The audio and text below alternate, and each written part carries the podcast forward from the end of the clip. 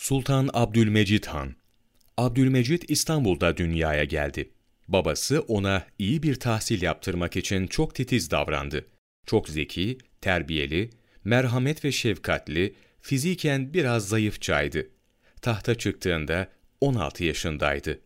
Yeni gelişmeleri çok sıkı bir şekilde takip eder ve hemen devlet-i aliyede tatbik edilmesini isterdi. 21 yıl 6 ay Osmanlı tahtında kaldı. Sultan Abdülmecid, kendisinden önceki 32 selefinden kesin çizgilerle ayrılıyordu. Kendi arzusuyla ilan ettiği Tanzimat Fermanı yetkilerini büyük ölçüde sınırlıyordu. Fevkalade nezaket, terbiye ve merhametiyle tanınmıştı.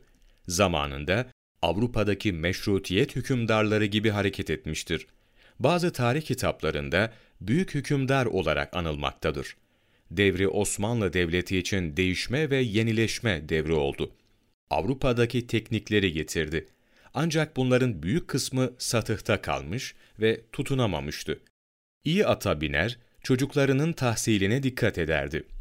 Avrupa'da prestiji büyüktü. Bütün hükümdarların hürmetini kazanmıştı.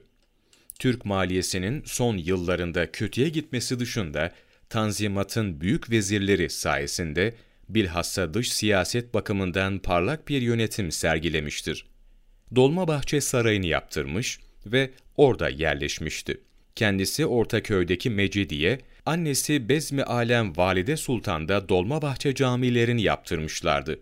Daha birçok büyük hastahaneler, camiler, kışlalar, mektepler inşa ettirmişti. Aracısız, halkın dertlerini halkın kendi ağzından dinleyen ilk padişahtır. 25 Haziran 1861'de verem sebebiyle vefat etti. Yerine kendisinden 6 yaş genç olan ve kişiliği kendisinden farklı olan kardeşi Sultan Abdülaziz geçti. Sultan Abdülaziz'den sonra Sultan Abdülmecid'in dört oğlu tahta çıktı ve 1876'dan 1922'ye kadar 46 yıl tahta kaldı. Sultan Abdülmecid, Sultan Selim Cami avlusunda Yavuz Sultan Selim Han'ın türbesinin yanına gömülmüştür.